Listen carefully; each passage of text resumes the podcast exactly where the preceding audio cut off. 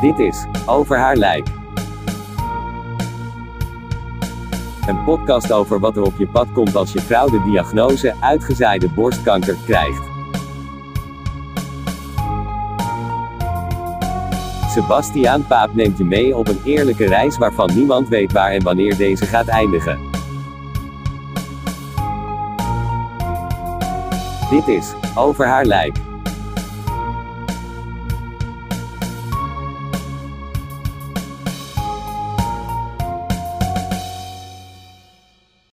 Hey, hallo en heel erg hartstikke welkom bij aflevering nummer 2 van Over haar lijk. Ja, eh, ik had niet verwacht dat ik zo snel alweer met een nieuwe aflevering zou komen. Ah, het is nu, nou, een dikke twee weken geleden dat de eerste aflevering online gezet is. En er is wel wat gebeurd in de tussentijd. En wat er voornamelijk gebeurd is, ik ga er maar meteen naartoe trappen. Dat is dat de studie waarvoor mijn vrouw ingeschreven was. En als je nou geen idee hebt waar ik het over heb, moet je de vorige podcast, de vorige aflevering even luisteren. Ehm, maar die is helemaal goedgekeurd. Dat is helemaal top. Ze mag helemaal het traject in en zo. En dat is echt al eh, heel, fijn om het maar even heel kort samen te vatten. Maar goed, hey, tof. Als allereerste, dat, was, dat moest ik er gewoon echt even uitgooien. Maar als allereerste, heel erg bedankt voor alle reacties op de allereerste aflevering. Dat ging eh, beter dan ik had gedacht.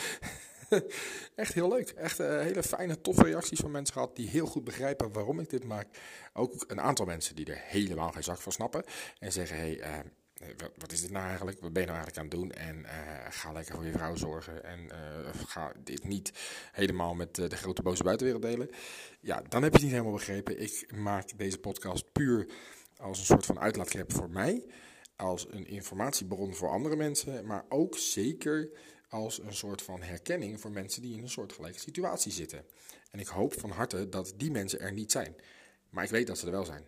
En juist voor die mensen ook eh, even een heel dik hart onder de riem. En jongen, je bent niet alleen. Of meisje, eh, dat kan natuurlijk ook. nee, ehm, wat ik eventjes wil zeggen vandaag. Ja, er zijn een hoop dingen gebeurd in de tussentijd. Ehm, zoals ik dus wel al verteld had in de vorige aflevering, eh, stond mijn vrouw ingeschreven voor een studie.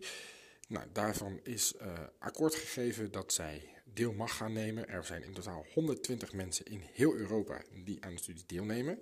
Waarvan een mannetje of 15 in Nederland. Dus hè, dat is op zich eh, redelijk unieke kansen.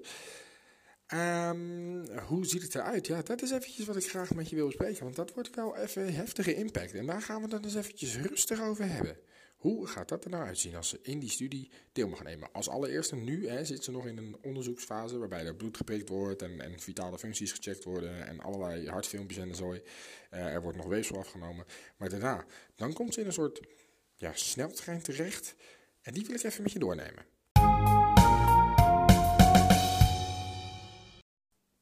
Want die sneltrein die gaat echt als een malle. Ehm, dat is namelijk heel simpel. Hoe het eruit gaat zien is dat als zij deel mag nemen, dan komt ze in. Er zijn er twee groepen. En dat is ofwel de groep. U mag zes weken lang, iedere week.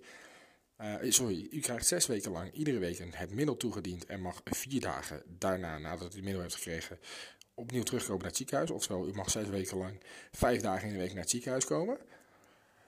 Ehm, of ze zitten in de groep, u krijgt eens in de drie weken het middel toegediend en mag na het toedienen van het middel drie, vier, eh, vier dagen eh, wederom naar het ziekenhuis komen. Dus dat is eventjes de vraag of zij twee stopweken heeft of eh, niet. En dan als ze dat niet heeft, gaat ze dus zes volle weken, dag in, dag uit, naar het ziekenhuis. Sowieso, na de eerste toediening moet ze sowieso blijven. Eh, omdat ze dan alles in de gaten willen houden. En dan willen ze gewoon weten hoe gaat het met je. En, en inderdaad ook wat ik al zei, de vitale functies. Die worden dan 300.000 keer gecheckt. En eventueel worden doseringen aangepast als er allerlei heftige dingen aan de hand zijn. Ehm, dat is hoe de studie er in het heel kort uitziet. Ja, en in totaal als zij ehm, daar lekker doorheen fietst, dan kan het twee jaar duren. Eh, tenminste, er staat twee jaar voor de studie. Maar er wordt dus ook gezegd, ja luister dan, als dit aanslaat, ja, dan ga je dit middel gewoon blijven krijgen. Ja, en als dat betekent dat je de komende 60 jaar iedere drie weken naar het ziekenhuis moet, ja, so be it. Dan is dat maar zo. Maar dat zorgt er wel voor dat je nog 60 jaar kan leven. Als het goed is met een beetje kwaliteit van leven. Ik moet wel zeggen dat die bestraling waar ik het eerder over gehad heb. Die is wel goed aangeslagen hoor. Dat, dat zie ik wel. Ik zie er toch net iets makkelijker bewegen dan voorheen. Ehm, maar ik zie ook, en dat hebben ze vandaag dan in het ziekenhuis ook gezien. En ik praat nu over eind februari. Um, ik, hebben vandaag in het ziekenhuis gezien dat er ehm, ja, toch bij die, die zenuwknoop, dat daar toch ook een soort extra ontwikkeling is. Dus dat is niet zo positief. Het is aan de ene kant heel positief uh, dat ze aan die studie mag gaan deelnemen. Maar van de andere kant zijn er ook wel weer een aantal plekken ontdekt die zich heftiger ontwikkelen. En ja, ik zie nu ook bij haar eigenlijk op de schouder een soort ja, bult zitten. Waarbij ze in het ziekenhuis zeggen, ja, dat lijkt toch een, een uitzaaiing te zijn die aan het groeien is.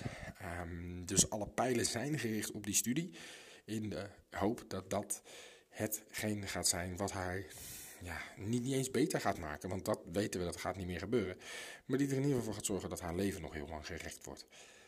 Ondertussen zijn we ook bezig met een aantal andere zaken. En ja, dat zijn hele heftige zaken eigenlijk.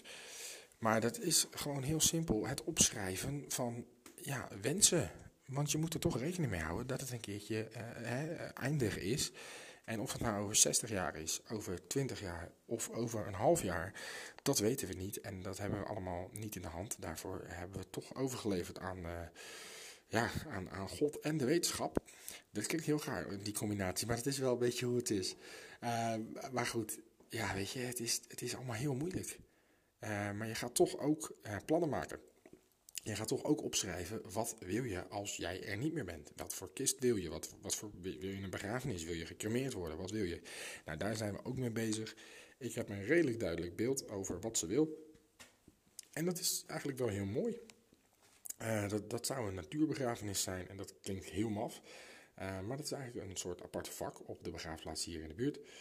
Um, waar dan een natuurvak is en dan moet je in een soort ja, uh, composteerbare kist, om het zo maar even te noemen, moet je begraven worden. Maar dan kun je dus ook een boom laten plaatsen. En dat is wat zij heel graag zou willen.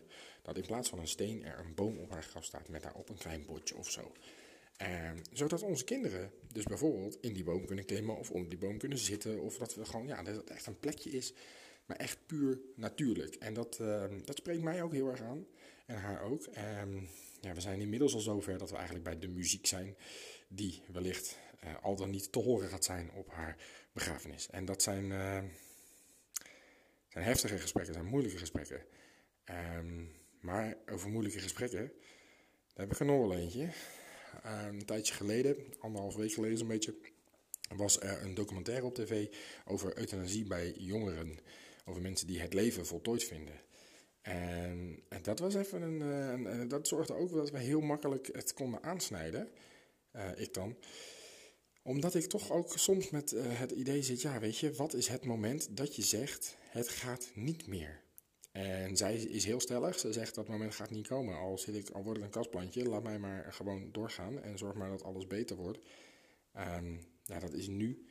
Ik ben heel erg bang dat er een bepaald moment komt dat ze zegt, oké, uh, dit was het dan en nu is het klaar. En daar ben ik heel bang voor. En ik hoop dat dat moment nog heel, heel lang gaat duren. Maar goed, er zijn wel, uh, er zijn wel scenario's die je in je hoofd moet houden. En gelukkig kunnen we daar open en eerlijk over praten. Um, ja, dat, dat is het eigenlijk wel een beetje. De studie loopt. En toch uh, is het niet allemaal positief. En moeten we toch rekening houden met een eventueel uh, ja, eerder afscheid, zeg maar, dan over 60 jaar. En dat is even heftig. Um, maar het zijn wel dingen, uh, dit, is wel de realiteit.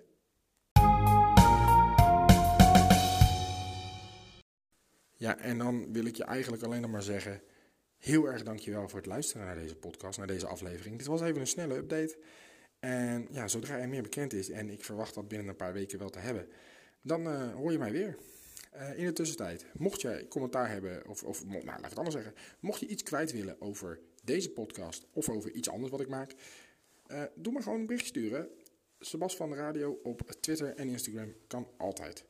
En ja, uh, ik zou heel graag willen zeggen, verspreid dit onder je vrienden als je het een fijne podcast vindt. Of als je zegt, hey, ik ken iemand die dit moet horen, stuur het hem dan. En ik sta altijd open voor, voor het contact ook. Dus dan mocht je vragen hebben over dit onderwerp of over het maken van een podcast, kan ook. Ehm, stuur het, echt waar. Sebas van de Radio op Instagram en Twitter. En voor nu, heel erg dankjewel voor het luisteren. En heel graag tot de volgende.